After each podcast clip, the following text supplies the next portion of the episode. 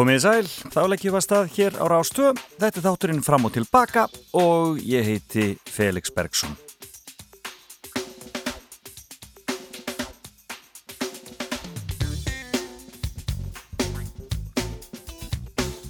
Ámar að þóra að segja það. Það er aðeins farið að svona, verða svolítið hauslegt loftið þegar maður kemur út á mótnana að missakosti.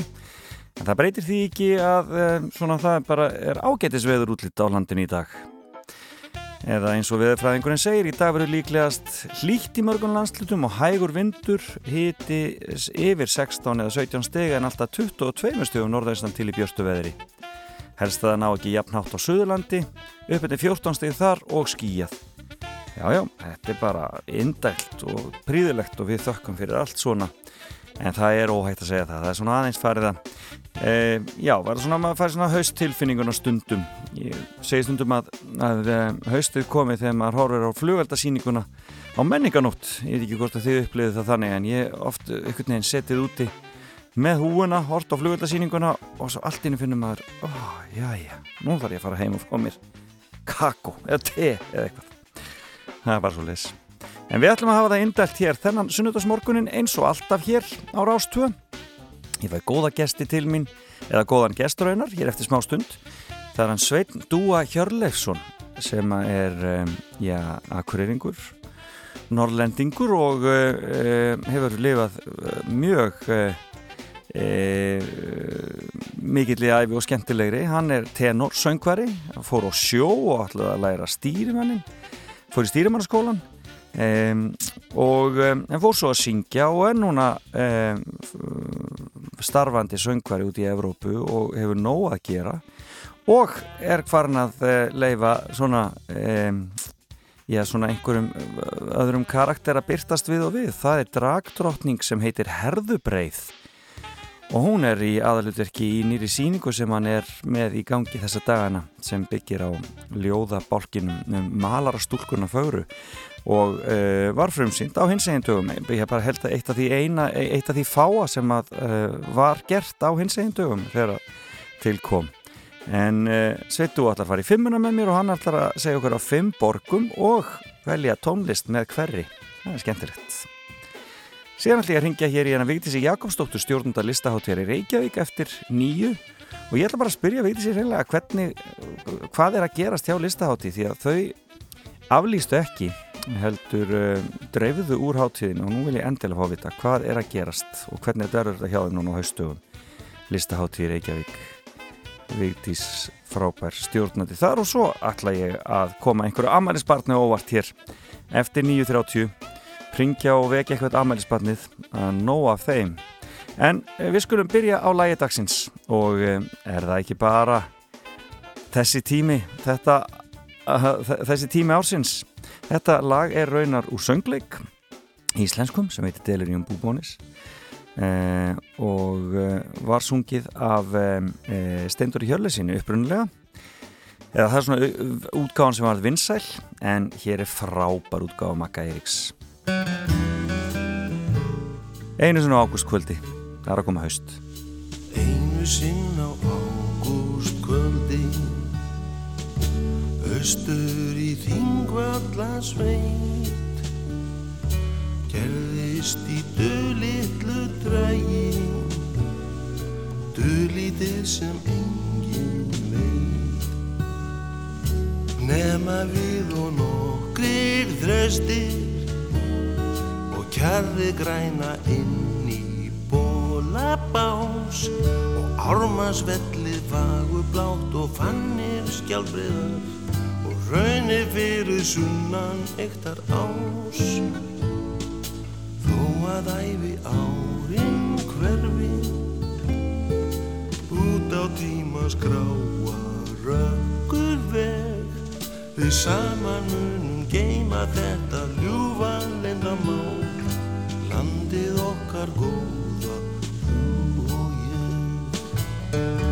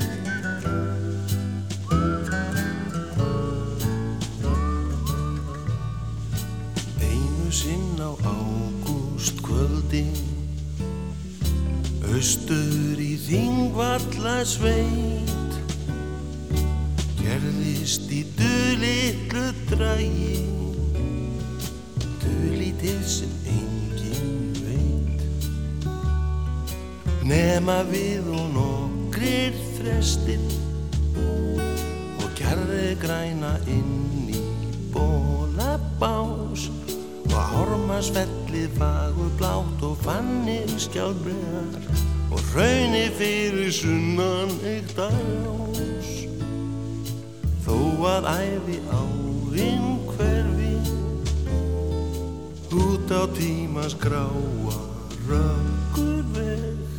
Við saman munum geima þetta ljúfa lindamál Landið okkar góða, þú og ég. Já, þarna koma margir, já, margir gullmólar saman í einu, Magnús Eiríksson og svo þetta Jónas Átnason og Jón Múli Átnasínir þarna. E, og þetta var lag úr söngleik, aðeins að reyna að vera með lög úr íslenskum söngleikum hér sem lagdagsins næstu þáttum, sjáum hvernig það gengur hjá mér. En það er komið að honum Sveini Dúu Hjörleifsinni e, og já, ef þið eruð forvitin þá fáum við að heyra hér eftir smástund. Hvers vegna hann heiti Dúa? Og það eru lögin sem að tengjast borgunum hans og hér byrjum við á U2 lag sem heyrist ekki oft. Hold me now,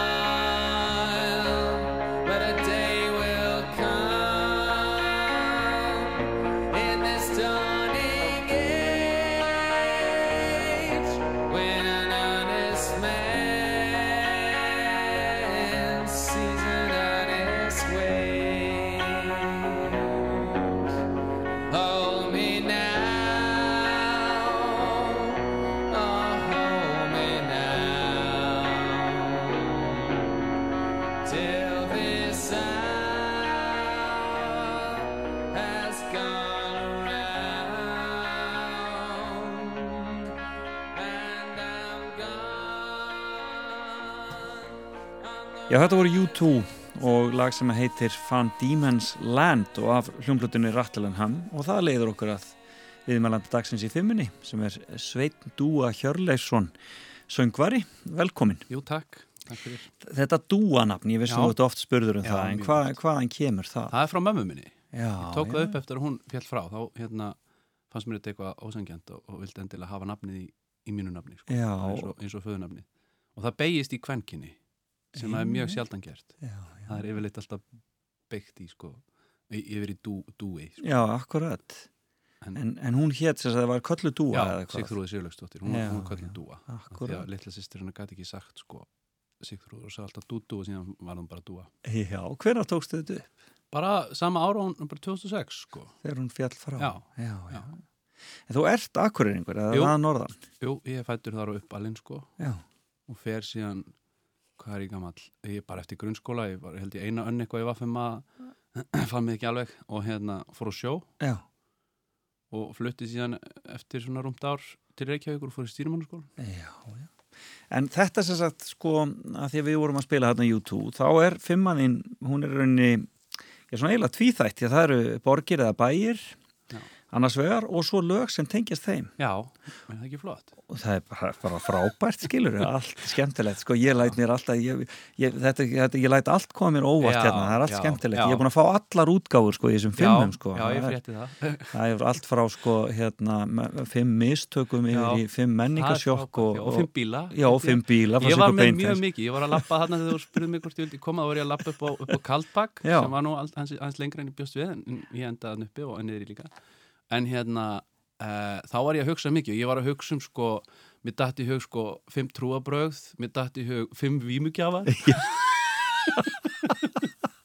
Það hefði verið mjög áhugavert. mjög skemmt og, og sérstaklega sko að, að kombæna sko uh, hérna fimm vímugjafa og, og músík. Já, það er bara Nei, en ég, ég komst ekki upp í núma sko þrjá eða fjóra þannig að ég hérna Fimm fjöll hefði já, geta líka verið já, fín. ég hugsaði Fimm það líka sko, ég hugsaði það líka Fyrst þú varst á Kaldbak já, En förum alveg í þetta tilbaka Þú, Já. semst, þú, þú fyrsti, fyrsti bærin eða borgin er Akureyri jú. og þú varst að hlusta á YouTube þar já þegar sem batn, ég mann mamma kom einhvern tíðan og pabbi frá Dublin Já. og þá var hún með, með kassettu þarna uh, að, hvað heit, heitir hún þarna er ekki grátandi stráku framan á Já, einmitt, bara bói Bói, emitt, emitt, emitt og hérna, og ég hlustaði á þetta linnulust og þetta var svona fyrsta músík sko svona uppgötun eiginlega sko, þau, við vorum ekkert í klassík eða neinu svoleið sko. Var, var tónlist á heimilinu svona almennt? Já, já, mamma, og það var náttúrulega eitthvað, sko, og mamma hlustaði mjög mikið á, á Leonard Cohen og ég hlustaði ennþá mjög mikið á Leonard Cohen, mikill Cohen maður, Skemmtilegt. Kannski, kannski finnum við eitthvað, eitthvað Cohen líka, Já, en hérna, en, uh, og það var svona, já, frekar svona í, í og og finni bróðir hlustaði mjög mikið á alls konar, sko, hann er fættur 72, það er hlustaði eldri, sko, og hann, var mikið músík, Deepest Mode og, og hérna, og hérna, og Pink Floyd og svona, skemmtilegt, sko.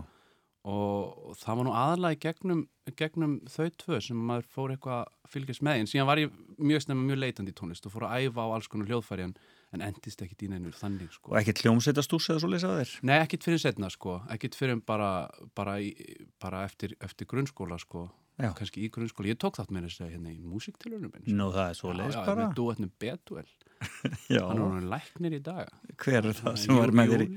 Hvað segirðu? Július heitir hann. Já, já, hann hérna eh, Kristjánsson. Og Svo, hann, er læknir í dag. Já, skemmtilegt. Maður, já við tókum þátt í músiktilunum og, og, og hérna urðum frægir í svona tvo daga nei, nei, þetta var mjög skemmtilegt. Við gáum út blötu sko. Já. Það var bara svona hérna, En það var heim ekki tónlistalíf á Akureyri. Já, já.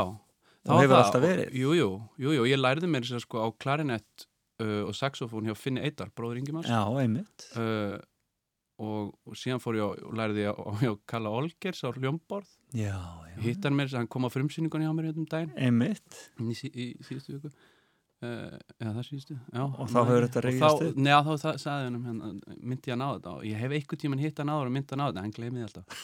Og bara, já, varst það, varst þú hjá mér? Já, var- Þú verður ekki verið mjög svona eftirminnilegu nefandi Nei, ég var mjög lélugu nefandi sko. ég var alveg sko, ég var eitthvað staðar allt annað staðar en í sjálfun í, í, í sko núinu. Það Já, er akkurat bara eins og krakkar eru. Ég var bara svona leitandi, það var, á- var alveg rétt sem að, sem að hérna, einn ein, góður hérna, maður sagði að hérna, hann hafði svona beðið eftir að ég myndi bara finna rétt að hillu sko og þá yrði Mhm. ég bara þar og það varð, varð, varð sko, þú veist, söngurinn sko Já, akkurat Já. Þannig að þú varst svolítið leitandi svolítið lengi Já, já, mjög lengi sko En þú flytur síðan, hvað segir hérna, bara Já. ungur maður Já, 16-17 ára já Ertu það var eldri sko, ég var á sjó alveg í rúmta ár og Já. síðan fer ég í stýrmannskólan, þá er ég klóran 18-19 ára. Já, akkurat Og þá, og þá þú hefur ekkert litið tilbaka Þú hefur ekkert flutt aftur, Norður? aftur norður Nei, nei það, þetta hefur allt leitt ykkur annað sko. Já, og uh, hvernig var fyrir uh, 18-19 ára pegi að flytja flytja einn suður, var það ekkert mál?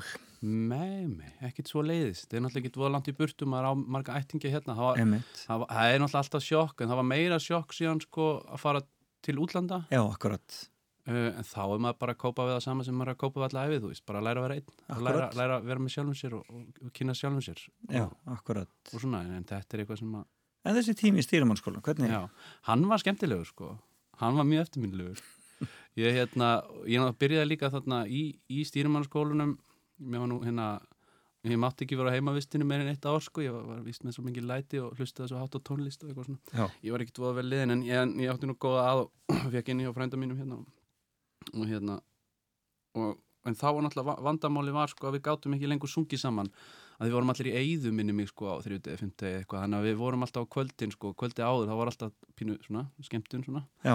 svona baðhástemning og hérna þá sungum við saman og vorum að spila gítar og eitthvað svona Ok. og síðan, síðan þegar ég var fluttur út þá var þetta búið en ég fór með vinnu mínu Tyrfingi Sveinsinni í Kallagur Reykjavíkur Já, já, já, já. og þar byrjaði og, og, og Freyri Kristinsson spurði mig hvort ég vildi ekki læra þess eða ég spurði hann, ég maður ekki Já. þannig byrjaði sko söngferðin Þannig byrja söngferðilin, já. Já. Þannig að þið byrja sem sagt að syngja bara svona í baðstofustemningu í stýrimannskólanum og endar svo í Kallkóri Reykjavík. Já, baðstofu stemningunni í Kallagur Reykjavíkur Já, það er nú allteilis. Ég er búin að heyra það bara til þess núna í kófinu og það er sko bæði Kallkóri Reykjavík og fósbræði menn saknaðis gríðarlega, sko þetta er svo stór Já, ég átti að syngja núna í vor sko með Kallagur Reykjavíkur og því var fresta fram í oktober en nú bara veit maður ekkert, það er bara eins og allt núna maður bara er alveg í, bara svífandi sko Nei, og, og, og margir kallmenn sko sem að þetta er kannski þeirra eina Já, já, áhugamál já, og félagskapur einhvern veginn. Við, þetta er sko. þetta er svolítið svona, er, getur verið erfið fyrir marga öruglega Já, æ, það er erfitt held ég bara fyrir eiginlega alla, það er alveg sama við hvort maður talar, það er einhvern veginn, þetta hefur svona áhrif á, á, á mjög margt sko. En þú varst að hlusta á Megas þarna á þessum tíma, segir við uh, og ennþá bara, Já, bara alltaf, alltaf megas sko. Dast, í hann hringdi einu sinni í megas. Nú, hvað var Það það? var hérna, ég var, ég gátt plötu með hérna, honum hýrti hérna, Hjaltalín hýrti uh, 2011 plötun á Værið uh, bara mjög fín plata sko, Mhm. svona alls konar lög. Uh, og hérna og dætti ég að fá hann með mér sko, fá hann til að syngja duet með mér En hann var svo upptekinn sko, ég, ég ringdi hann og hann var að kera niður kampana og leiði til Vestmenni eitthvað gig. Þannig að alltaf verið að byrja mig með eitthvað við, við, hérna, svo upptekinn núna sko, ég er að gera klassík og allt það var mjög það var, var mjög gaman að tala með hann sko. En tókstu þá lag eftir þar í staðin? Nei, gerði það nú ekki, Já, það, bara, það verður bara sér plata sko. Það verður bara hérna alltaf herðubreið gerir það ekki eða sko dragnafnið. Já, akkurat. Herðubreið áruglega eftir að gefa sko herðubreið og megas. Herðu bröðu á Megas. Já, hann myndi áruglega hafa gaman að því. Það er ekki spurning. En hvaða lag velur af hans stóra safn? Heyrðu, flæðarmál, þetta er nýja upp á slæði mitt með honum sko. Þetta hérna, þetta er að plötu sem kom úr 2002 og já, ég byrjaði að hlusta á þetta lag kom minn einhvern tíðan bara núna í í februar eitthvað svo leys Já. og, og ég hef bara ekki hægt að hlusta það síðan. Jú, ég hef nálega hægt að hægt en, en ég hef eftir að hlusta mikið á það. Já, við skulum, þetta kjóma svona, já, fyrir ekki. Við skulum heyra flæðamál. Essin mín hún heilsar mér að hefðar megja sín En ég heyri akra fjöldum muldra Þannig að var það nokkuð fleira. Skarðsýðin er feimin og hún skilir sér á milli þeirra. Hún skilur líka henn Bara kemur þetta ekki við.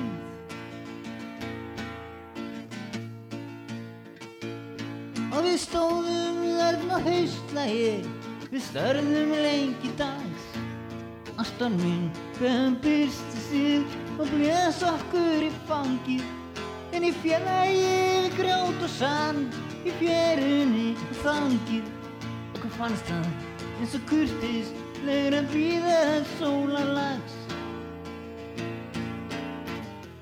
það var svart og það er satt. Það var kallt en samt var betra að vera til En ekki, ég fannst ég eiga heiminn hér um bíl. Og maður hugsaði bara ég get skítið allt sem ég ekki skil og ekki þekki.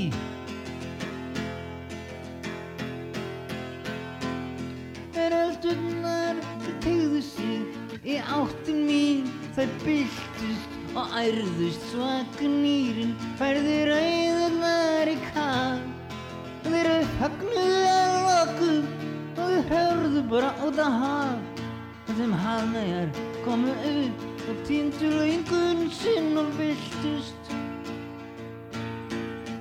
Jú, það var svart og það er svart, það var kallt En samt var betra að vera til En ekki Þú áttur allan heiminn. Hér um bíli að þú hugsaðir ok, ég gef skítið allt sem ég veit og skil og sem ég ekki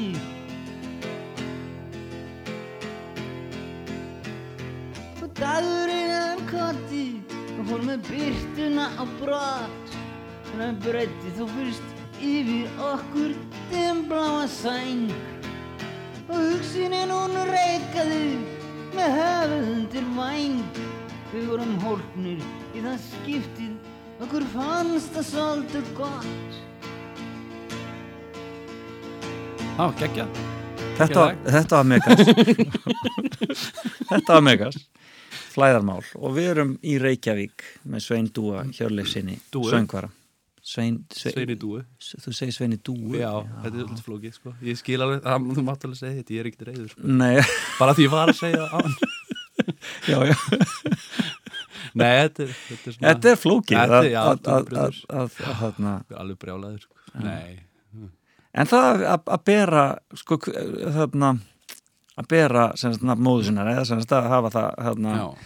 um, og er þetta svona hluta verður svona hluta nýjum karakter eða þú veist Já, það er nú eitt. Við hefum alltaf getað tekið, sko, fimm alter ego. Já, akkurat, það er nú eitt já, það er nú eitt. En það er nefnilega að finna, ég hérna, ég, sko, þegar ég var á sjó, þá kallaði mig, sko, Svenna Hjöl. Eða, fólk kallaði mig Svenna Hjöl. Síðan var ég Sveitúa. Og núna er, sko, sko herðubrið að taka svolítið yfir líka, sko. Já, Þannig að þetta er svolítið svona en það hefur ekki komið til að, að, að herðuberi héti bara dúa Nei, Það kom, hef, það kom aldrei til greina sko. Uh, en ég tók sko Sigriður og Helga sko. Já, og sér breytti Sigriður yfir í sko Sacred. Að því útlendingar segja, ah, Sacred, Sacred Já. Helga. Já, sem er flott líka sko. Þa, og það eru ömmu mína sko. Það er svona, halda þessi ættinni svona Icelandic style sko. Nei, en herðubreið er sem sagt dragnafnið og það er þetta tengist þessari síningu sem þú ert búin að vera með núna. Já, já, og ert að fara stað, og, ert að, og kemur örglega til með að, syngja áfram núna á næstunni? Já, þetta er tilbúið þetta er, þetta er sko bara uppfærsla. Já.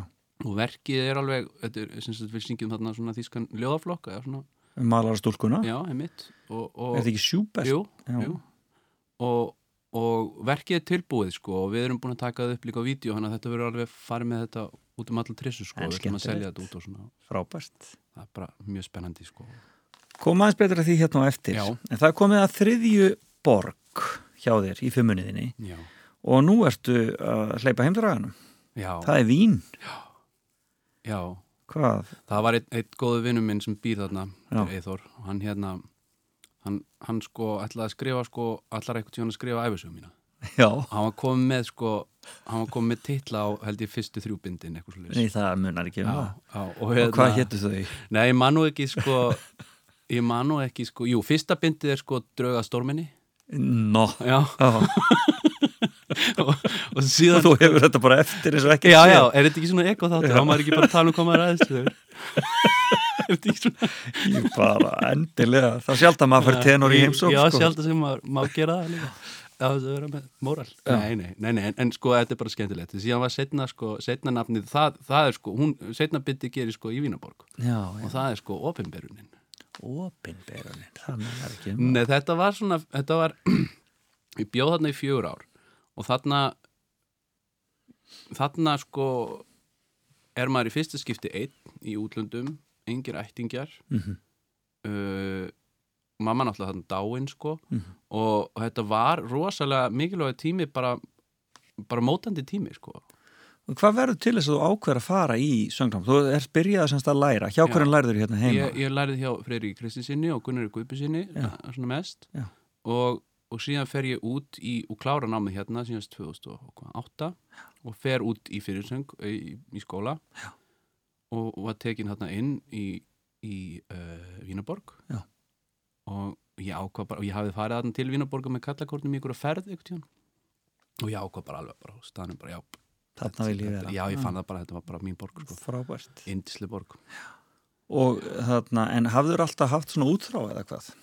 Já, en ég held að þetta sé líka bara svipað eins og með sko hljóðfærin. Þetta var, ég hef bara alltaf verið svona leitandi í svona flæði sko, ég hef alltaf leift með það. Svona yfirleitt sko. Og, og já, þetta er bara svona leitin að hennum reyna tón, er það ekki? Já, það er svona bara bottom line svo. Jú, jú, svolítið og, og, og færðu hvaðan kennara hann úti Já. bara Leopold Spitzer heitir hann hann, er, hann var mjög fítn sko og, og, námið var alveg frábært þetta var semst að bara þetta er hann lítið svona höll á móti uh, Sjönnbrunn höllinni sem er hann líka í, í uh, 14. hverfi Já. Annaborgar Vínaborgar, já. Já, og hérna þetta var virkilega góðu skóli sko. ég var þarna í námi námið voru, þetta var svona mastersnám þetta voru tvö ár.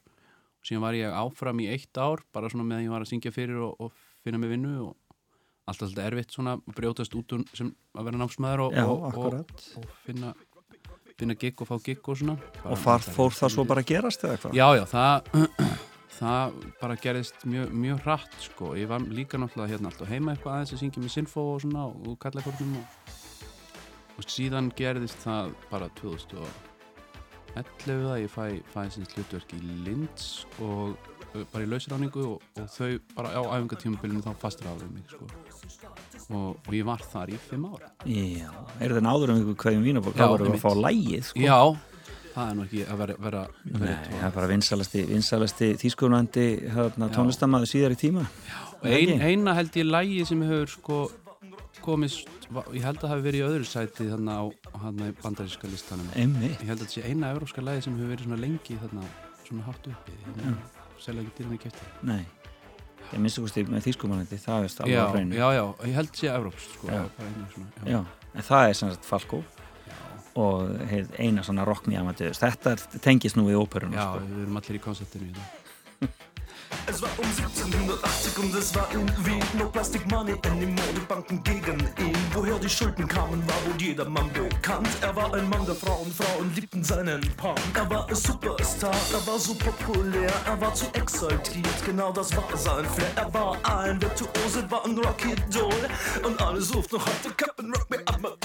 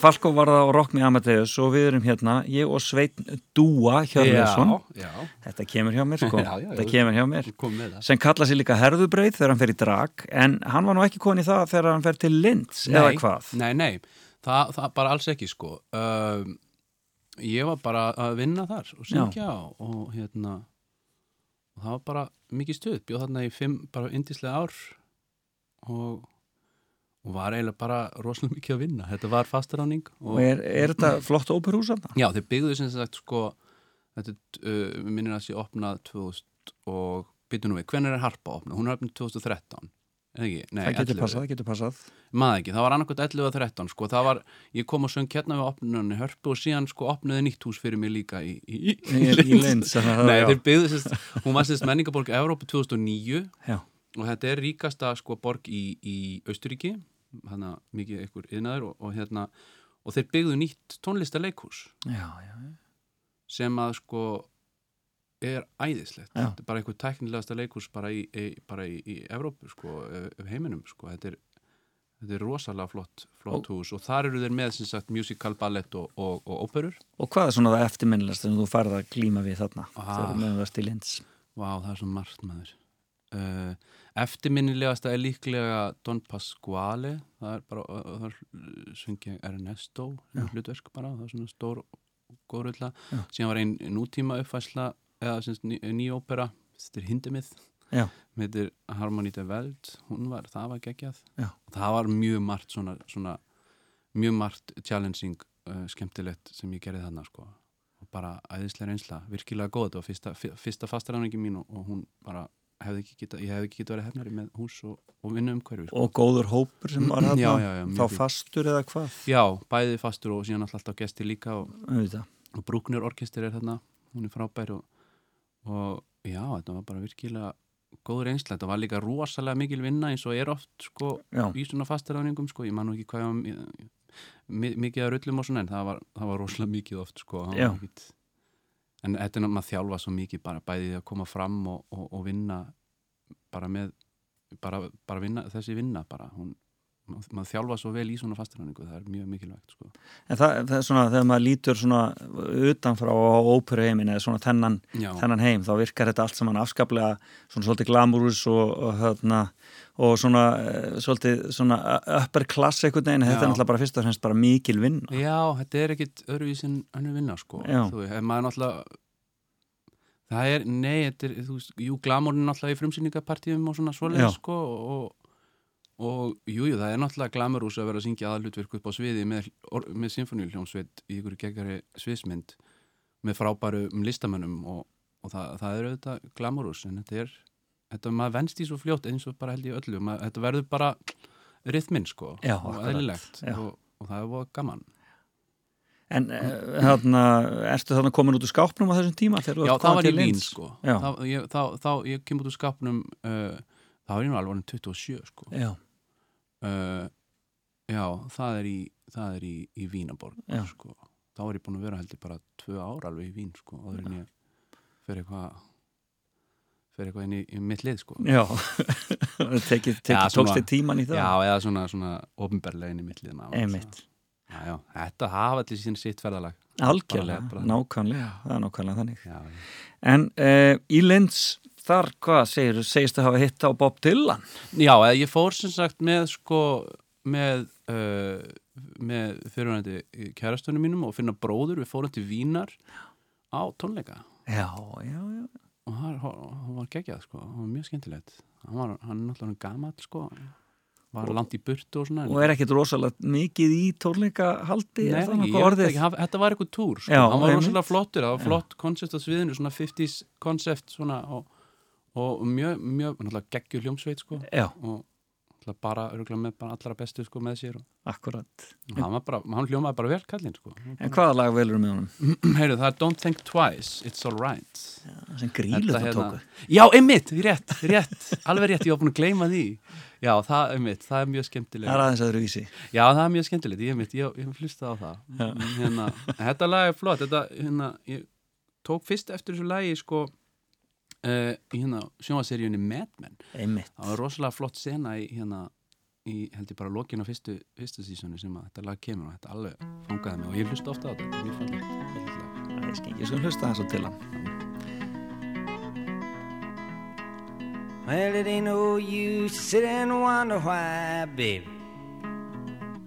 Even you don't know by now. And it ain't no use to sit and wonder why, baby. It'll never do somehow.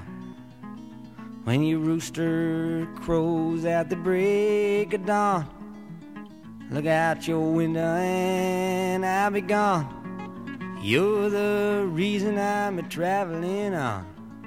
But don't think twice, it's alright.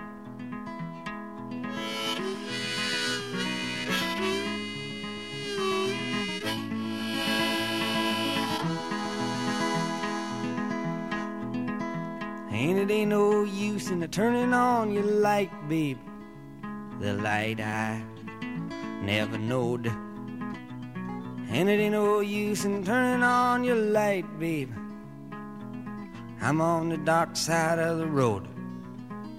But I wish there was something you would do or say to try and make me change my mind and stay.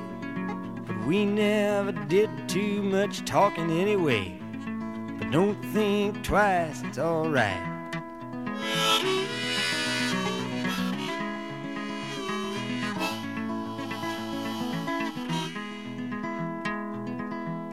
So it ain't no use in calling out my name, gal, like you never done before. And it ain't no use in calling out my name, gal. I can't hear you anymore. I'm a thinking and a wondering, walking down the road. I once loved a woman, a child, I am told. I give her my heart, but she wanted my soul. But don't think twice, it's alright.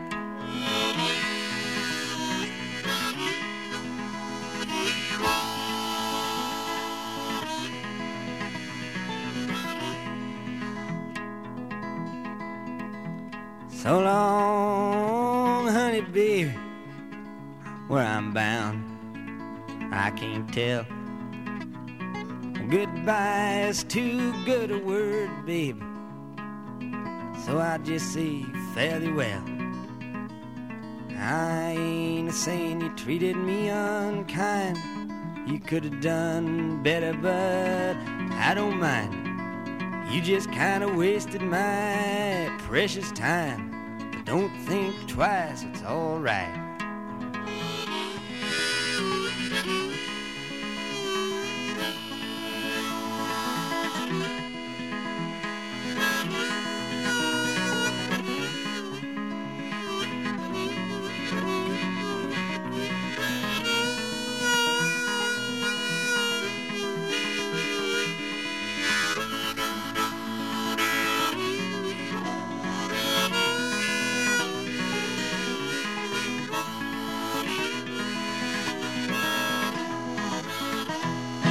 Þetta var Bob Dylan og Don't Think Twice eh, og eh, þetta var fjórðalagið og fjórðaborgin hjá honum Sveini Dúu Hjörleifsinni sem situr hérna hjá mér ég er alveg að ná þessu, sko, þetta kemur Já, já. maður þarf aðeins að stoppa og hugsa en það kemur það að bara fyrst Já, já, það er mjög, þetta er mjög öðvöld.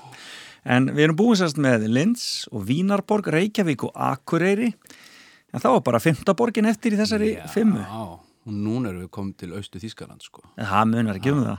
já, ekki lengur, en hún er nú samt sko pínuð samt þannig, þetta er Leipzig Já, einir, þeir sem að verða meistara, eh, vinna meistaradeildin í fótbolta í, í, já, í ár. einmitt, ég var að lesa það áðan Já, já, já, já, það er eitthvað voðalega gott fó- ég er ekki ennþá búin að fara á leik sko, en umbóðsmaðurinn minn er búin að segja til að bjóða mér hann er ekki ennþá búin að það þeir gera nú sjaldan það sem þið segist til að gera en- Þessir Nei, umboðsmenn. já, þetta er nú Herðu, hvenær ferðu til Leipzig?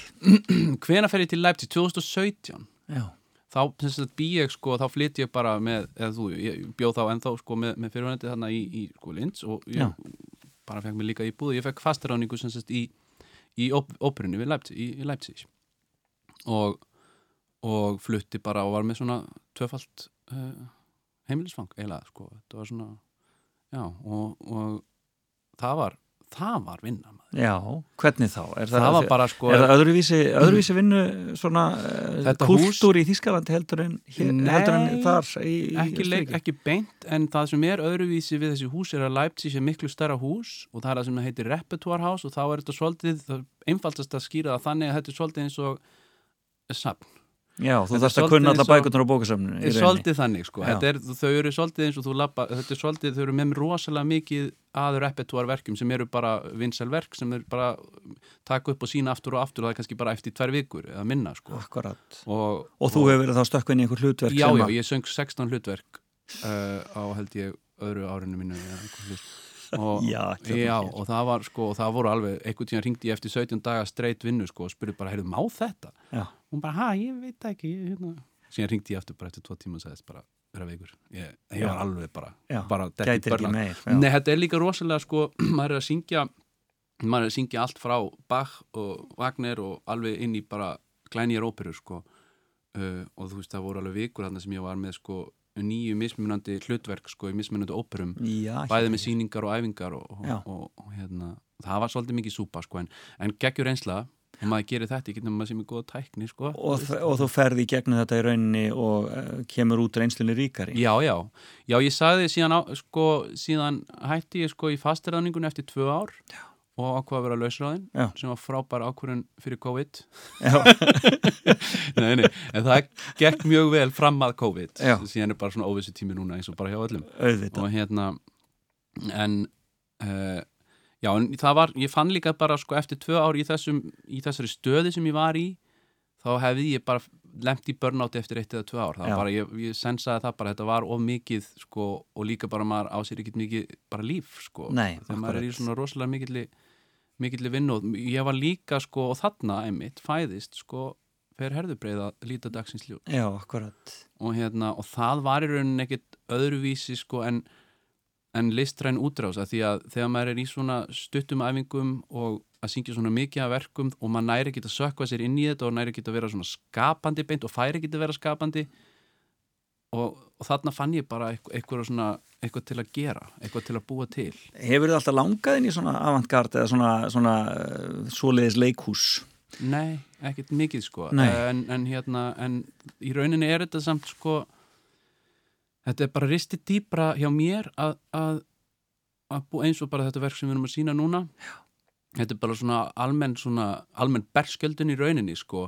Og, og líka bara þannig er ég bara að fara inn í sko bara lista, listamannin á, bara á all- alla leið sko, maður Já. er bara að hugsa um og, og velta fyrir sér sko sjálfum sér og þessari leið og náttúrulega eins og, og ef, ef ég má binda þetta sama við þessa sýningu sem við erum að gera núna. Já, malar stúlkan Já, og, hún- og, hún- fagra, er það ekki? og, jú, og við byrjum, við erum að brjóta upp einmitt þetta uh, form sem óperuformið er eða ljóðaformið Mhm.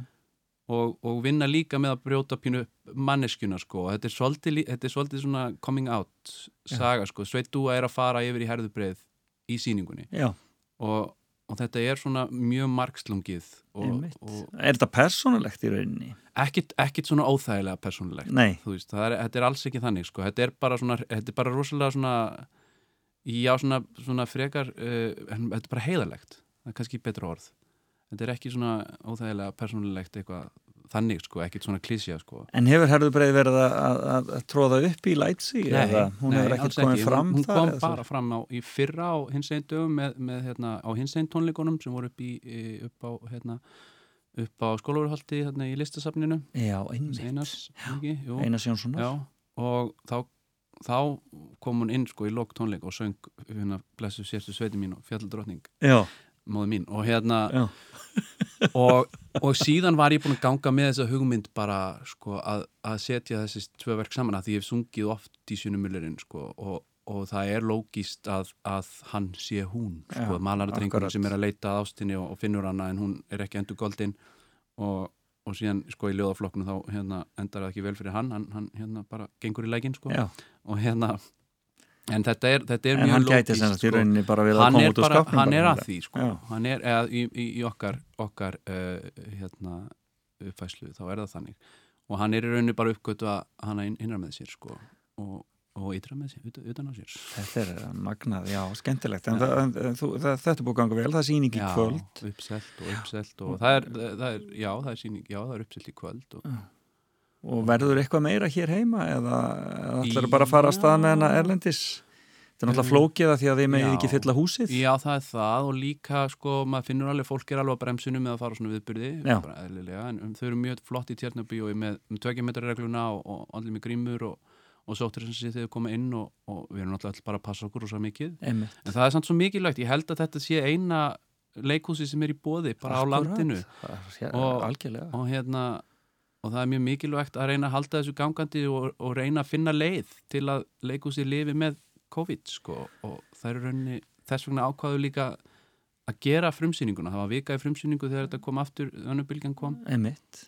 og við ákvaðum bara að gera þetta og sama þáttu sem að þurfum að borga með sýningunum sko, það bara er, eru stærri hlutir sem að skipta máli Frábært, það er flott. Heyrðu, en aftur að Leipzig, hvernig er lífið þarna í Östuðískalandi?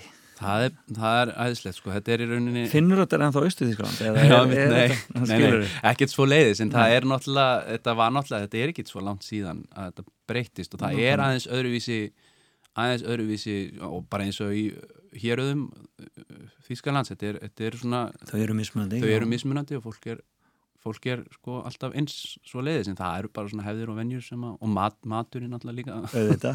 Svona einhverja svona svona sérþarfir sko en, en, og líka sögurnar og reynsla fólksins sem að, gaman að heyra að tala um þessu tíma og, Mhm. og merkileg söfn og svona en, en það er bara indislegt, þetta er indisleg borg hún er, hún er svona ekki, ekki svona stereotypist þísk í rauninni sko, hún er ung þetta er, þetta er ódýr borg, þetta er mjög ódýr borg Já. Og- Sem við talum um þessi nýju Berlín Já, svolítið, sko. emitt, emitt, það er mikið og það, ég skil það mjög vel sko. Já. og það er mikil svona grassrótar reyfing punk og, og, og bara alls konar sko, bara í öllu Og í- myndlist líka og, Akkurat, í listunum svona já, almennt. já og, og það er svona já, óperuheimurinn er nú ekki alveg svona mikið, ekki mikið grassrót í Leipzig svo leiðis, en það bara breyta því En langar það að búa þar áfram? Já, mér finnst hún, mér finnst hún frábær sko. Það er líka hund sko. Já. Hérna, Og hann býður eftir þér? Já, henni finnst þú að gott að vera í Leipzig sko. Já, akkurat. Hún vill ekki flytja heim Nei. Þá er þetta bara þannig. Já, ég get ekki það bara þannig. Að lokum, uh, síðasta lag sem tengist Leipzig. Já, Það er Nína Hagen. já, já, mér, mér fannst það við hæfi að hérna Þetta er svona lag, þetta er svona hressandi lag sem ég get alltaf hlusta aftur og aftur á og, hérna. Segðu mér söguna? Hvað, hvað, hvað, hvað þýðir þessi texti hjá já, henni? já, hún er í rauninni að segja þarna mikla lífsreynslu sögu Já. og hún hérna, hún fer sér sett þarna á, á svona DDR strönd held ég, hún- held ég hún segi eitthvað í læginu Já. og, og, og Það er þeir- nektarkúltúr í TDR Jú, ströndunum? Þeir voru mikið svona naturistar og svo leiðis. Já, ég hef ekki upplifað það ennþá, ég upplifað það í Vín samt, sko, Ok. þá var ég, það var svona Vín er, það var svona eiga í mi- miðri Vínaborg, Fláh er í, á þarna frá- Dóná, já, svona löng svona sp- út, útivistar eiga og hluti af henni, sko, er, er nektar Já. nýlenda, okkur er þetta kallað nýlenda? Já, það er það er svo, svo rosalega svo þetta sé bara einhver eiga í karabíska hafinu að hérna, þetta er náttúrulega eiga út í samt sko. Dóná, þannig að þetta er greinlega nýlinda og hérna, nei, en hún, hún Nína ungun okkar var sem sagt þarna í átti indislegan tíma á, á strönd með kærastunum sínum. Og síðan kemur það upp úr krafsinu þegar þau koma heim og fara með myndirnar í framkvöldin eins og var gert hérna í den að, að kærastin hafi glemt uh, lítafíl og það er allt í svart. Og hún er ekki ána með það eins og heyra má. Þetta er mjög dramatíst. Já, Sveit Dúa Hjörleifsson, kæra þakki fyrir komuna. takk fyrir mig Fram og tilbaka. Takk fyrir mig Hoch stand der Sanddorn am Strand von Hiddensee. Micha, mein Micha, und alles tat so weh, dass die Kaninchen scheu schauten aus dem Bau. So laut entlud sich mein Leid ins Himmelblau. So böse stampfte mein nackter Fuß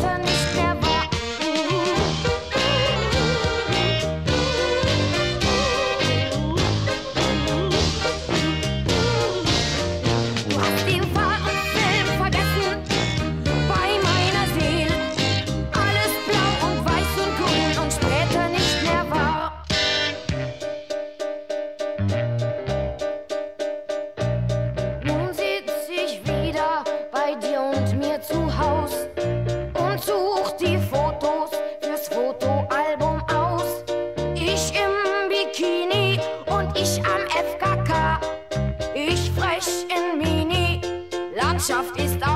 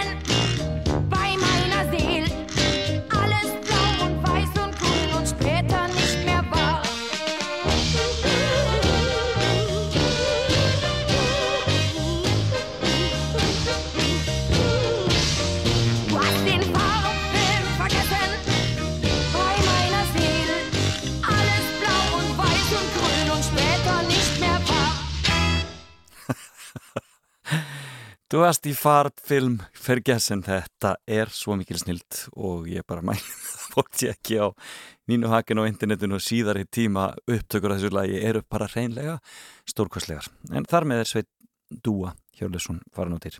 Kúrðu bara áfram og hlustaðu á fram og tilbaka á Rástvö.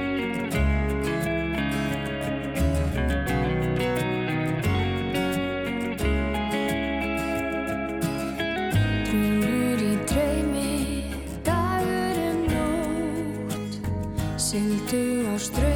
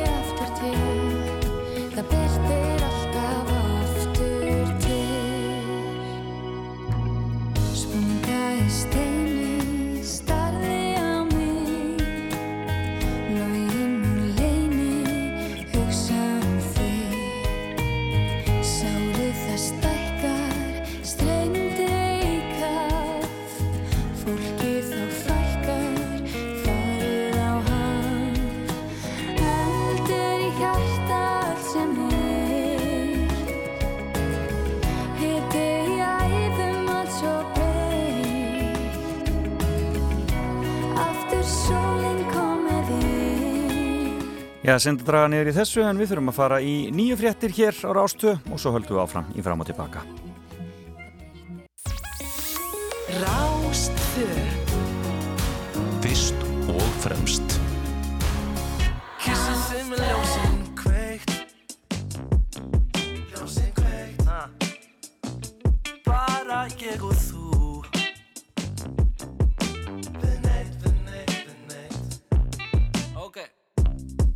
Baby þú ert svo glæsileg.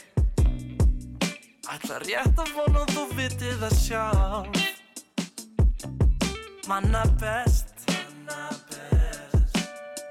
Þú segir til, babe, og ég skal fara af stað. Mætti ég kissa þig á myndlin lappana? Þú verður að fyrirgefa mér stælana. Ég er á pínu ekotrippi því ég er orðin popstjarna Lefðu mér að elska þig í allan nóg Og ný glasið segðu nóg Kveikja, kveikja kerti til að hafa þetta kósi. Hún veit, hún veit fara hægt. Kissið þið með ljósin kveikt. Ljósin kveikt. Bara ég og þú.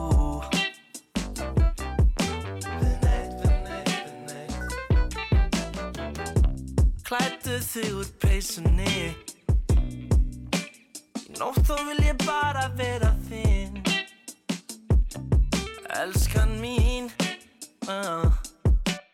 Kottu nær, tökum þau tvö, þrjú spór Griftu mig, taktu mig, babe, hvað svo? Hálsinn þinn, fegur þinn, babe, þú svo. Lætu mig langa svo. Að kissa þig með ljósinn kveikt Ljósinn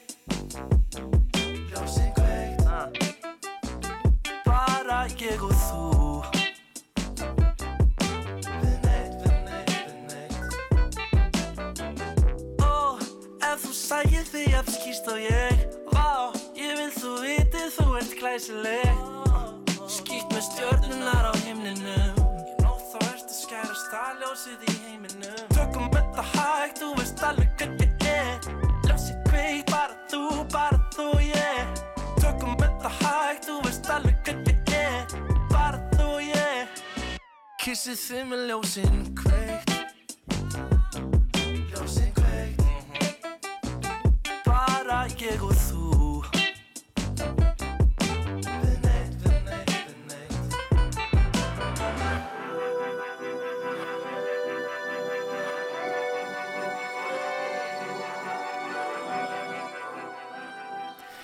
Komið sæl eftir, þá höldum við áfram hér á Rás 2, þetta er þátturinn fram og tilbaka og við byrjuðum hér með honum auðunni Lúter sinni, eða auði eins og hann kalla sig, auður.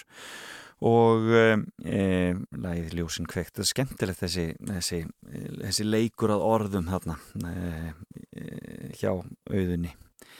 E, og þetta er frábært poplag þarna.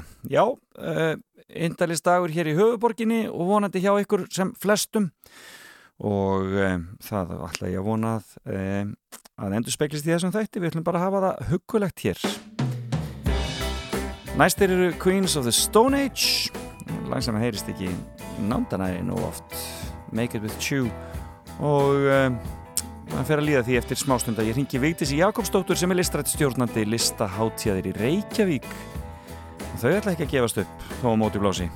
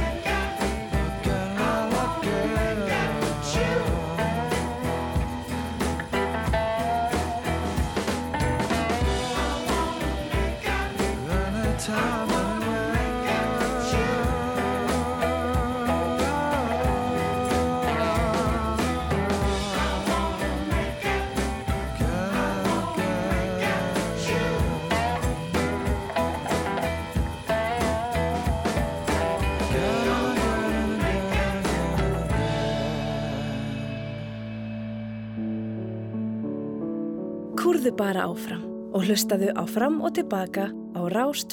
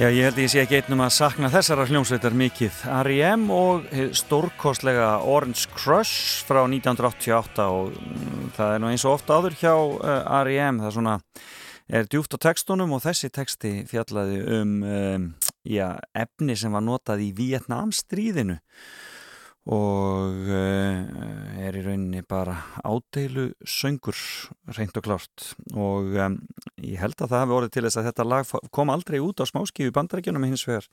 Kom það út í Európa og Breitlandi og gerði það gott og var svona það, já, já, fór hærra en nokkuð annað hefði farið frá þessari hljómsveit sem átti síðan eftir að já, dóminera e, á tíunda áratugnum það er eins og það er. En talandum að dóminera, þá er listáttið Reykjavík alltaf stórt mál í á hverju ári og í símanum Vigdís Jakobsdóttir listrætt stjórnandi. Gaman að heyri þér, komdu sæl og blessuð.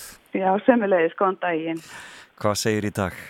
Ég er bara nokkuð spræk. Já, er það ekki? Jú, Já. sólinn skín. Já, það er svona, það er svona, það, er skára hjá okkur veðrið. Það er, svona, samt svolítið haust svona á mótnana, veist ég það ekki? Já, jú, það er og það er farið að taka, sko, trénir var að taka líka eitthvað svona haustblæ á sig Já, að akkurat. svolítið ískikilegt. Svona er þetta, svona er þetta. Já, svona er þetta. En það er ekkert haust í ykkar huga hjá listahátti. Þið ákvaðu bara að uh, það er ekkert aflýst heldur ætluðu bara að breyta áherslónum. Já, það má eiginlega segja bara að það sé vor hjá okkur því að listahátti er búin að vera í gangi síðan í 7. júni Einmitt. og er bara rétt að byrja. Sko, uh, þa- þa- það er náttúrulega, þið, þið, það takið þetta svolítið bara eftir því sem má, er það ekki? Eh, Jú, eftir það er- að, eftir því sem Jú. að yfirvöld leifa, hreinlega. Já, og viðburðirnir hver fyrir sig bara fá, fá sinn tíma þegar, þegar allir eru tilbúinir, það er svona frasin okkar. Akkurat. Mm. Og hvernig er staðan í dag? Hva, er eitthvað í gangi núna til dæmis? Já, það er heil mikið í gangi og við, við tókum yfir yðnó í sumar Já, eh, sem, og það var svona viðbóta eiginlega við hátíðina, svona klúpur listahátíðar hefur verið rekin í yðnó í allt sumar. Já, já. og, hérna, og þar hefur borið hægt svona yfirtökur listhópa. Og um, svo þurftum við náttúrulega aðeins að stíga á bremsuna núna þegar að setni bylgja COVID fór að en uh, það er samt dagskráðar eins og núna um helgina. Þá er hérna listamanna kollektív sem heitir Isle of Games sem er svona tölvuleikja hönnuðir sem að, já, þau eru sem sagt ætla að vera með opið hús fyrir almenning og svona að sína hvernig þau eru að vinna skapandi með hérna, þetta form. Ekki að spila tölvuleiki heldur þetta er svona listræni hlutin að því að hanna tölvuleiki. Já. og uh, nálgast þetta er mjög kreatíft en þau þurftu svona að loka smiðjónu sínum þannig að þetta er svona fyrir afmarkari hóp núna en þetta er samt í gangi og þetta er eitt af því sem að við þurfum að gera. Það er bara aðlega hvert verkefni að því sem að eh, er bara aðstæðum í samfélaginu hverju sinni og vera svolítið sveigjanleg og við, okkur hefur tekist það með klúpin Já. en við erum svona aðeins að vona hérna, svona alveg til lokin, við erum þarna út ágúst og þá getum við svona aðeins breytt vangina og þá er Reykjavík Grand Sambun sem er leikhópur, alþjóðlegu leikhópur í Reykjavík.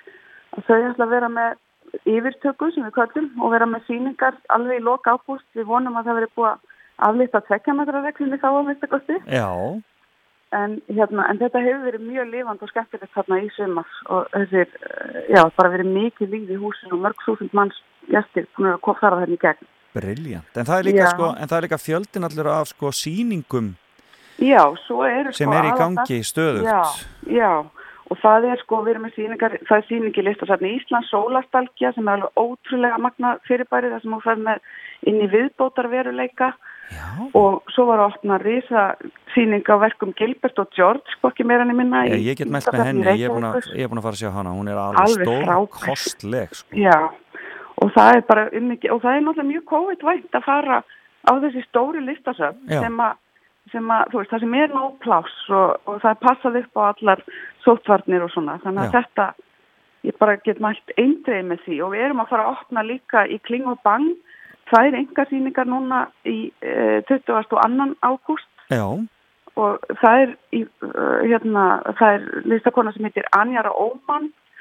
Hún er hérna ótrúlega áhugaverðar pælingar sem að hún er að leika sér með svona einhver mörk á það, því sem er um, tilbúið og því sem er lífrætt og, já, og, svona, og mikið svona umhverfis pælingum og sama, uh, svo er sko fyrsta engasýning ungrar íslenskra myndlistakonu líka þar Marja Rún Frandadóttir heitir hún briljant. Og, já, þannig að þetta að fara að gera. Myndlistin svona, hún, hérna, hún er búin að hérna, vera svolítið ábyrjandi á listaháttíði sumar. Já, ég, og ég, ég heilt Fyrirgefðu. líka þessari sýningans Kristoffers Lund í ljósmyndasafninu. Já, það er einmitt í gangi líka. Vittni heitir hún og er eiginlega fekk alveg nýja vitt núna þegar að e, COVID-i brast á því að hérna, hún fjallar um sjónarhótt gestsins, sjónarhótt sem sagt, ferðamannsins á landið okkar. Já, já, og það fær eitthvað allt að, að, aðra verkingu núna þegar hérna, gestirnir eru farnir Einmitt. og mjög falleg síning sem að stendur út sömarið í mælinn dreymir þýrika í ljósmyndarsafninu og svo er að opna líka enn einn hérna, sjónlistasýningin sem heitir Jaðarlönd og er í, uh, verður í þjóðarbókliðinni Já. og er bókverkasýning sem að þeir vera að vinna með bókina sem grip, sem listmun í svona mjög fjölbreyttum skilningi. Alveg hérna, það verður mjög falleg síning líka og hún opnar þarna þess að sömu helgi og klingabang 21. ágúst. Semst núna bara eftir vikur Já, þegar hún var rauninni bara er núna eftir viku. Þarna, Já. eh, sko, eh, þe- þe- þetta er sem þetta farin á listahátti.is og skoða þetta allt saman Já. og bara finna sér það sem hann langar til að gera og það er bara Já. frábært að vita að það sé eitthvað í gangi. En nú kemur Já. þú svolítið svona úr hinnum, svona, hvað ég var að segja, eh, svona sviðslista geiranum. Já. Hvernig er að koma inn í þetta, inn, í, inn á þetta svið, listaháttíðar og, og fara svona að leika sér með öll, öll, uh, já það í rauninni, það sem all leifist einhvern veginn. Já, ég, mér finnst þetta bara að vera svolítið framlegging á starfi leikstjórans Já. sem er í núna. Já, Af því að ég er ekki leikona, heldur leikstjóri Já. og, og það er hlutverk leikstjórans að hafa svona allt undir svolítið, það er sjónræna og hérna hljóðheimin og allt saman einmitt. og búa til úr því einhverja heilt. En þarna eru bara púsluspilin svolítið stærri. Ja, akkurat. og í raun að vera lítið alveg á þetta sem, þetta er alveg, alveg ótrúlega margt sammert Já. og að vinna með fólki sem eins og sem maður er leik, að leikstýra þá ertu með kannski tónskáld og leikmyndahönnuð og, og, hérna, og svo náttúrulega leikaranna og, og, og svo leis og, stúrta skipulegja búa til tímalínur og alls konar þannig að það að vera listað stjórnandi svona hátíðar er bara ekkert mikið ólíkt, Nei. er að segja það komur svolítið óvart hérna, já, Gaman svo hefði ég verið að kenna lengi í listaháskólanum, sko listafólki úr öllum geirum og það, það hjálpa nú líka. Mm Mm. Frábært. En mér, langa, mér langaði félags að við má að nefna eitt sem við vorum að búa til um daginn sem verkefni á listaháttíð Alveg endilega, sem að er að, hérna, er verður í núna nefnilega um næstu helgi ok. og við ætlum að vera með þá, þá helgi átt að vera í klubnum liggjandi tónleikaserja þar sem, að, sem var svolítið svona djúft konsept um sjónarhótt þess sem að kannski getur ekki setið að staðið á tónleikum eða veist, það er nefnilega sumt fólk sem kemst ekki á tónleika af því að það er krafist að þú fyrir annars hvort að geta setið í klukkutíma eða eitthvað eða staðið. Akkurat, og við ætlum að búa til umhverfi þar sem að þú getur lagst niður og notið eða verið í þeirri stellingu sem þú vilt og notið og það er ekkert kannski alveg COVID-vænt í Nei. ekki stærri sal en eðin og er Akkurat. þannig að við svona það, svo tónleika seria í sjálfu sér, við ákváðum bara að býða með hana og finna henni betri tíma Aha. en í staðinn ætlum við að fara út fyrir hús og ætlum að vera utan dýra, sennilega í ljómskólagarðinum, Þetta- svona erum við að vinna hjá listátti núna. Þetta er bara Og stórkostlegt, já, já, menn þurfum Og bara að fylgjast hérna- vel með greinilega. Já, og hérna, og bjóð upp á svepppokatónleika. Þannig að þú mætir með svepppokaninn og leggst út í bara guðskræna náttúruna og hljómsveitin Eva mun leika fallega hugljúfa tónlist.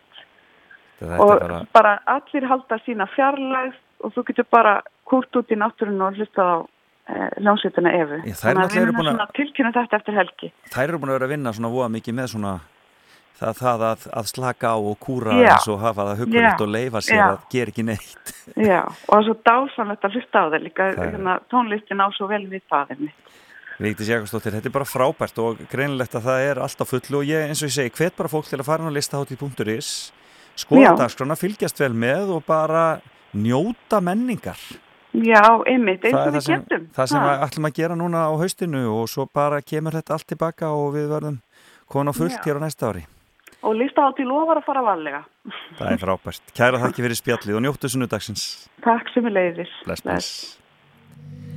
Já, þannig hljómaði það spennandi og eh, já, ég segi bara hvet ykkur til að fylgjast með á listahátíð.is fara svolítið og sjá það sem að það sem að listahátíð er að bjóða upp á nóga sýningum. En hér eru Reykjavík dætur og hefur frábæra Sweets. I know it might be late, but I've got feelings too. So come and meet me. And just listen. My roommate's out of town. You wanna come around? My TV broke down. You wanna stick around? You wanna come around? I got a lot of sweet. Oh my, oh my.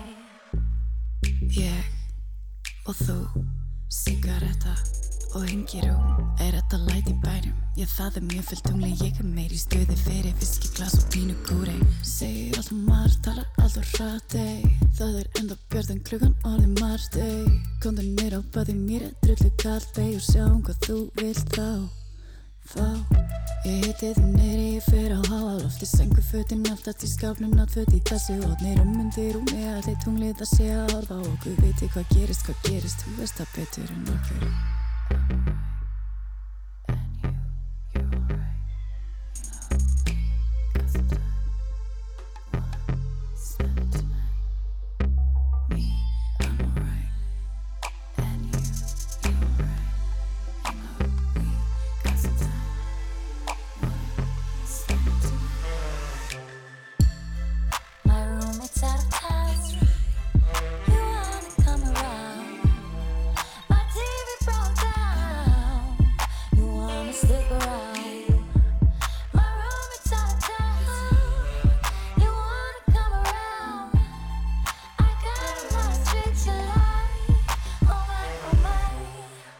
Tróði gólfið og við casual Ekki pláss fyrir neitt annað allir bak í bak. Hérna, þú brosir til mér, tek í höndina. Ætla að leiða þig á eftir mér eitthvað annað. Að vera Munu spyrja hvað þú heitir. Betra að vita þó við höfum slepp fyrsta deiti. Eitthvað við tróðningin tekur hittan og annars til langar að láta snerta mig og hér er þú. Uh. Fyrir en var þið komin tími til að fara út á stanum Við vitum bæði og þurfum ekki að veiti það orð. Búin að brjóta allan ís áður en á hrifin dofna og dagur ís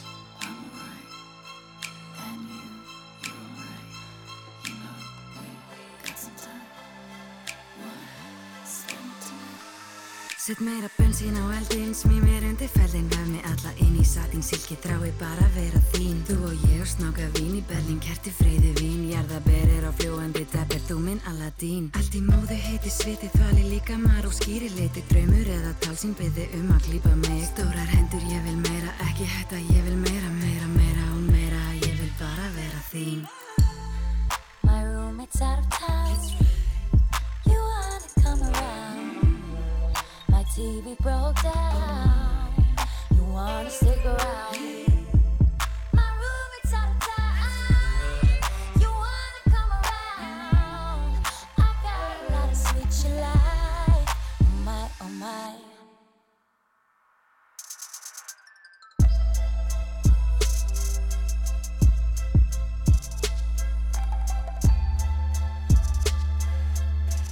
Já, þetta er alveg briljant Reykjavík dættur þarna og þær eru svona eina af þessum hljómsveitum sem hafa aðeins lent í vandraðum út af COVID-inu. Áttu að vera á flegi ferðum heiminn að kynna nýju plötuna sína enda mikill áhugi víða. En um, það kemur bara síðar. Þessi tónlist fyrir ekki neitt og, og um, þetta er frábær plata. Velkomin á Fætur. Fram og tilbaka á Rástfjö.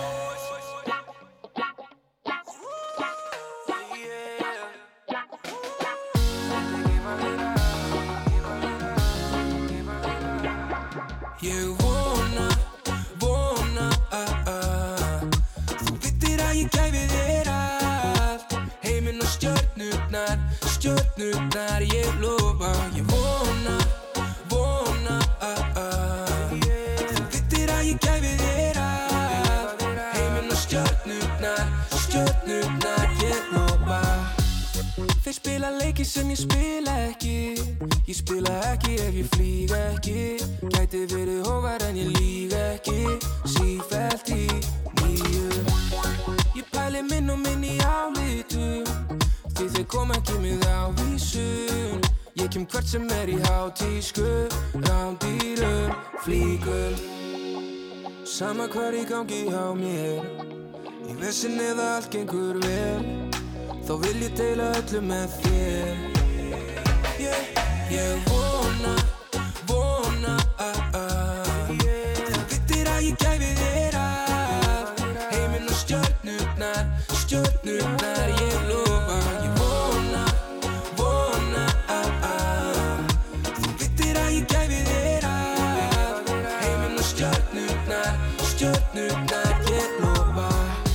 þráðum fyrir og eftir sjó Pælinga droppitni bók og link upp aftur með bók. Hörum með gríndi með kóng, allir í kringum með kóp. Við græðum allir í hóp, allt gengi ég lofa. Af hverju ætti ég að stoppa á leiðin og þefa? Af öllum blómunum þegar ég er að vera komin í mark. Sama hvar í gangi hjá mér. Í vissinni það allt gengur vel Þá vil ég deila öllu með þér yeah, yeah, yeah, yeah. Vona, vona ah, ah. Þú veitir að ég gæfi þér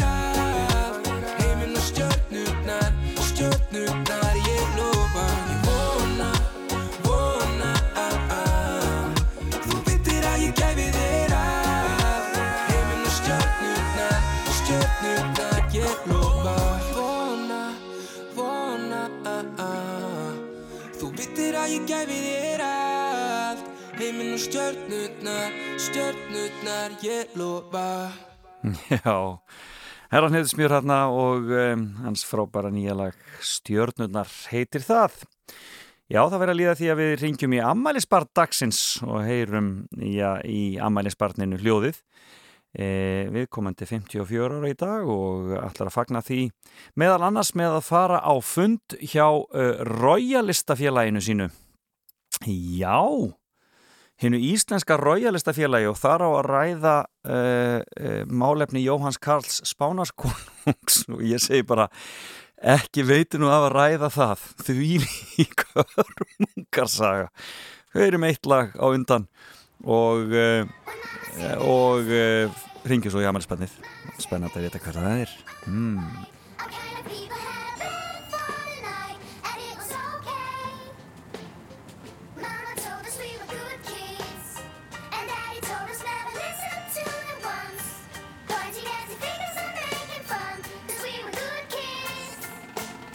Remember asking both my mom and dad why we never traveled to exotic lands. We only ever really visit friends. Nothing to tell when the summer ends. We never really went buying clothes. Folks were passing on the stuff in plenty loads. New shoes once a year and then out to play ball so we could ruin them. Mama said that it was okay. Mama said that it was quite alright. Was okay. Mama told us we were good kids, and Daddy told us never listen to the ones pointing nasty fingers and making fun, cause we were good kids.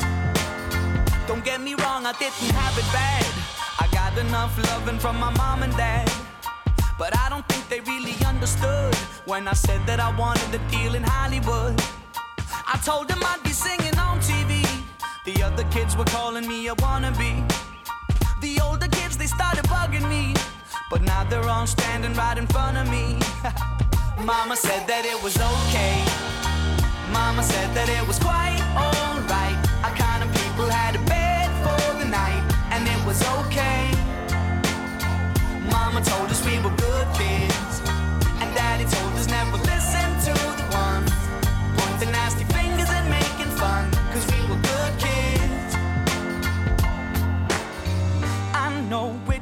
place I'm from, I know my home.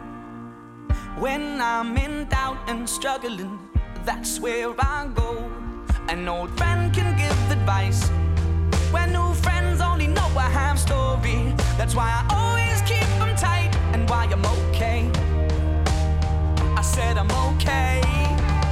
You know what my mama said? You know what she told me?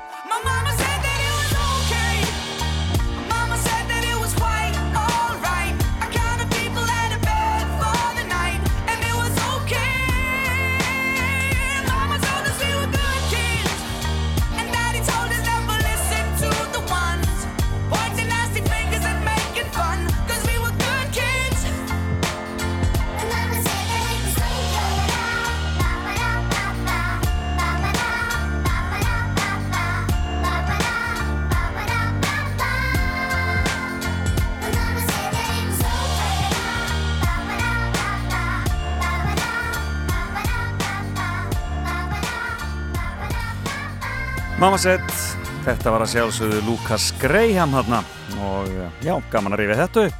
Og þá er það Amalis Baddagsins og við segjum bara innilega til hamingjum með Amalið Albert Eiríksson. Bestu þakkir fyrir Gaman að heyri í þér. Já, sömu leiðis. Ég sit hér út í sólinni með kaffibotla, drekk kaffi og rósóttum botla og pann og sjokkula með. Ég legg ekki meira á því. En þú ert ekki stattur fyrir vestan og ert ekki konu á Ísafjörð? Nei, ég er í Reykjavík núna er að svona klára nokkur mál. Já. Bergþórum minni farið vestur og byrjaði að vinna þar við tónlistaskólan. Já, beitu, hann ekki, er hann ekki að ringið í morgun og syngja fyrir þig?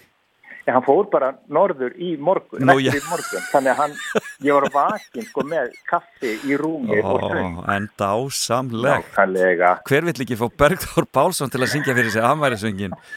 Ha? Það er bara snildin ein. En býtu, sko, fjölmiðlarnir segja mér að þið séu að selja á Lindargötunni?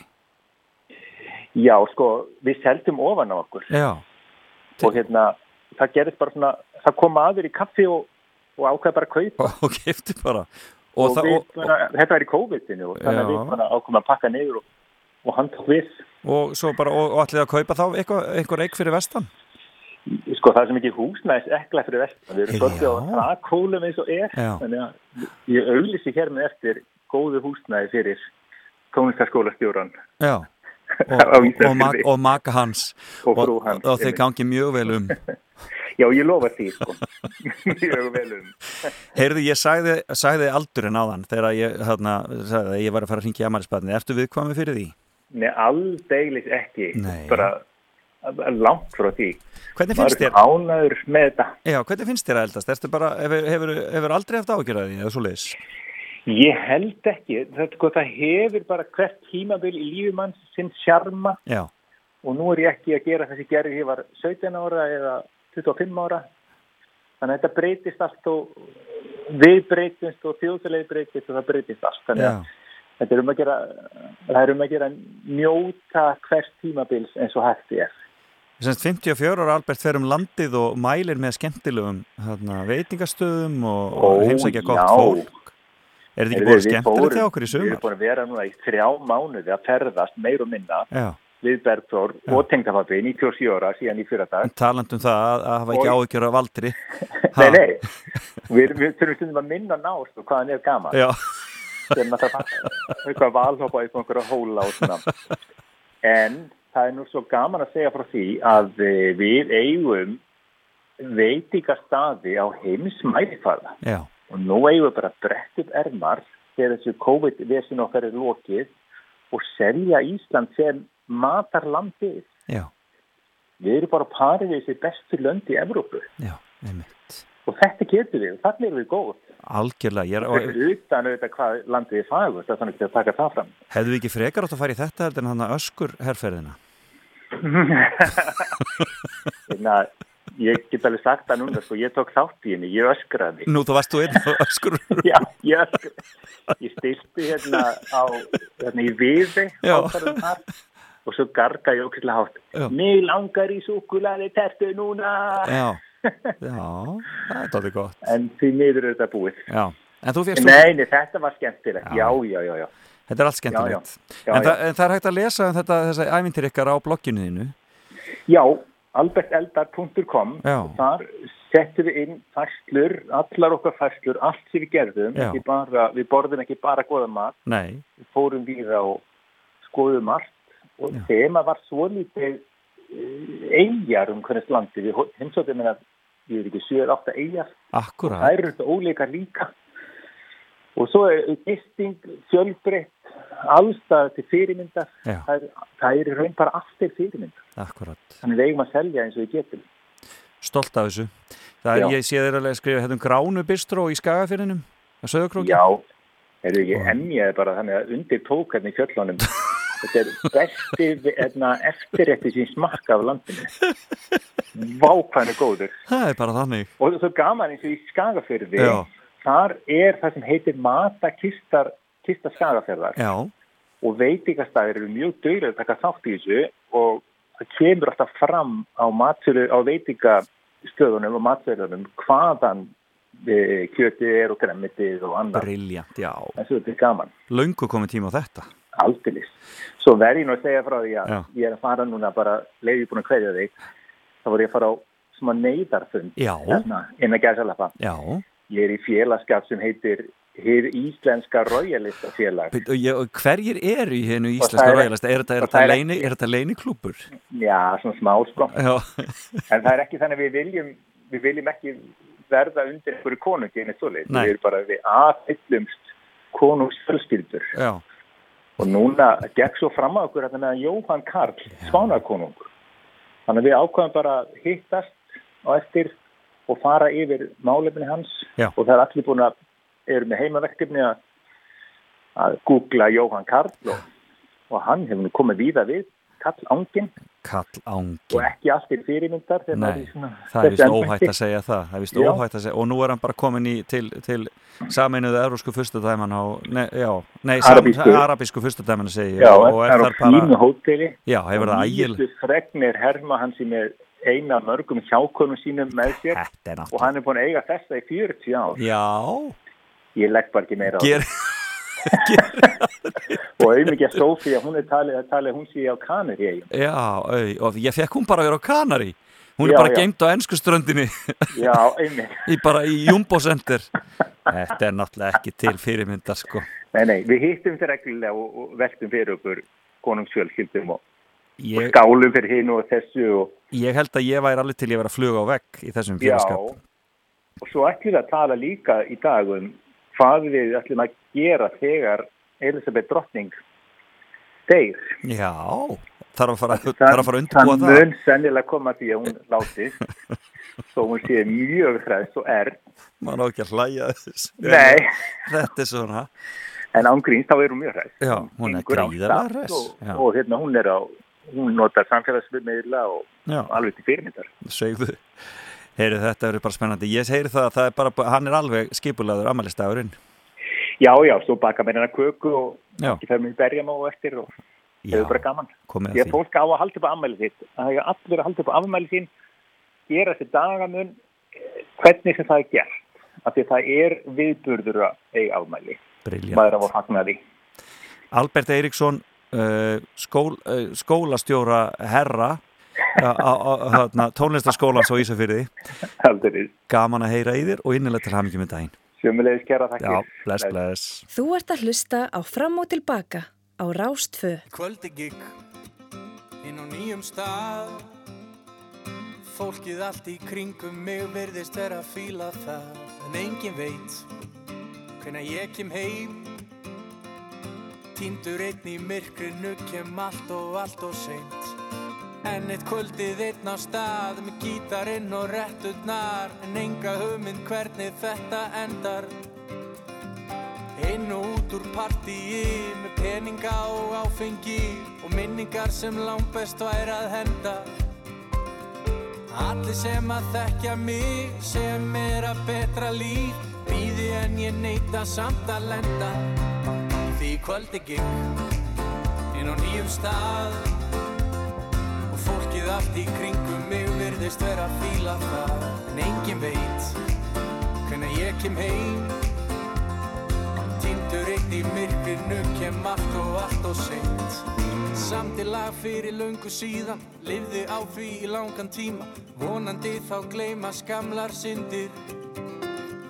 Eitthvað nýtt á hverjum stað Mér fannst ég samt aldrei vera þar. Skrítið oft að skoða gamlar myndir Engin sem að þekkir mig Hvetur áfram þetta líf En á móti strömmnum áfram syndir Því kvöldi gikk inn á nýjum stað Og fólkið allt í kringum mig virðist vera að fíla það. En engin veit hvenær ég kem heim.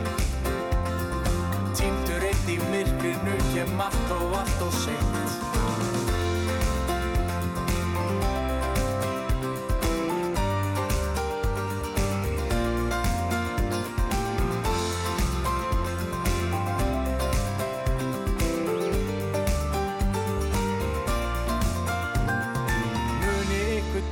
finna að sé komið og fara að vinna. Klukka nýju og hanga minnst í fjögur.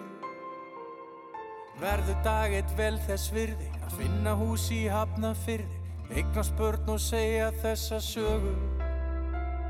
En ég má ekki hugsa um það Ég verð að drífa mig af stað. Því augnablíkið er allt sem við höfum. Og í kvöld gig Inn á nýjum stað. Og fólkið mig Að fíla það En engin veit Hvenær ég kem heim. Týndur einn í myrkrinu Kem allt og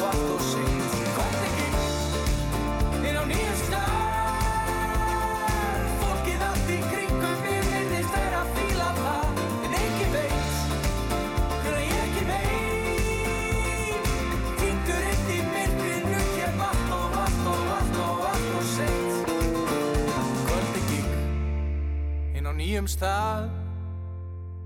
Og fólkið allt í kringum mig virðist vera að fíla það.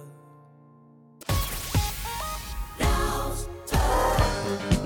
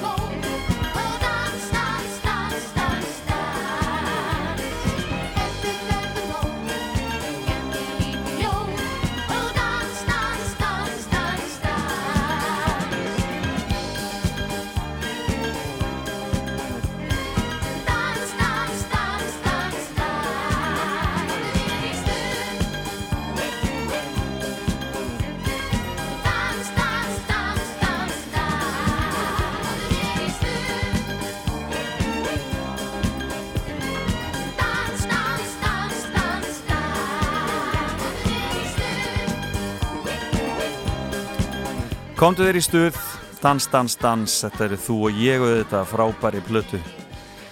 Frá 1979 held ég að sé rétt hjá mér. Um, og um, það er mikið dagskrá framöndan talandu 1979, Jón Ólásson kemur hér eftir smá stund og fer að uh, eiga með okkur sinn sunnudags morgun og mér sýnist að það sé mjög spennandi vínill í bóði í dag, eitthvað sem að e, hefur ekki heyrst lengi. Það verður gaman að heyra það. Síðan verður Gíja Holmgeistóttir með okkur í sunnudagssögunum e, eftir hádegið e, og e, svo er það gemt en ekki glemt og það er hvorki meira en minna en Múki Búki og það er Hulda Geistóttir sem reyður plötun á Múki Búki ásand Múkisson. Þetta er náttúrulega stórkostleg plata þannig að ég ætla að sitja klukkan fjögur í dag og heyra Múka e, fara í gegnum þetta allt saman og uh, aldamótapopparnir á sínu stað. Það er hann uh, Vignir Eit Vikfússon sér um þá þætti og þetta svona fyrir að, að, stittast í annan endan í þessari sériu sem er stór skemmtileg, svo er undir aldan og poprásin í kvöld. Já og uh, þannig að þið getur notið þess að vera með okkur áfram hér á Rás 2 og við ætlum að spila fullt af skemmtilegri tónlist og tala við skemmtilegt fólk. Þannig er þetta nú hjá okkur. Hér er kórin Bailey Ray munið til þessu. Three little birds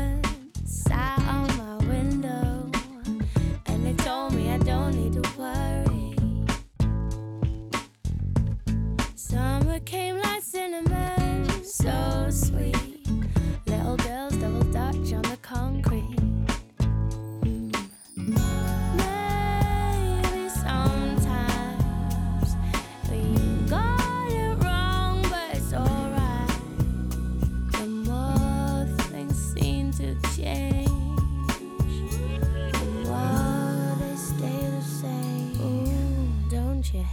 Hesitate.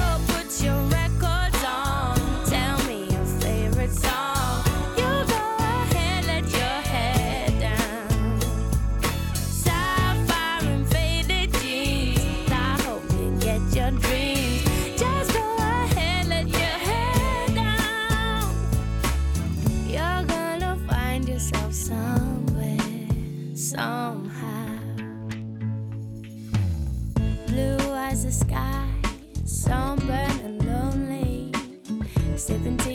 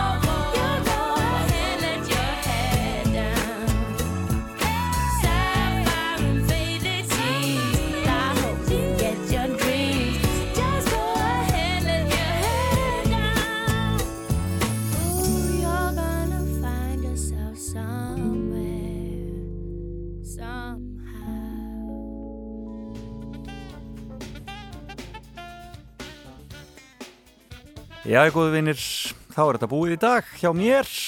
Búið að gaman að vera með ykkur og gestum mínum.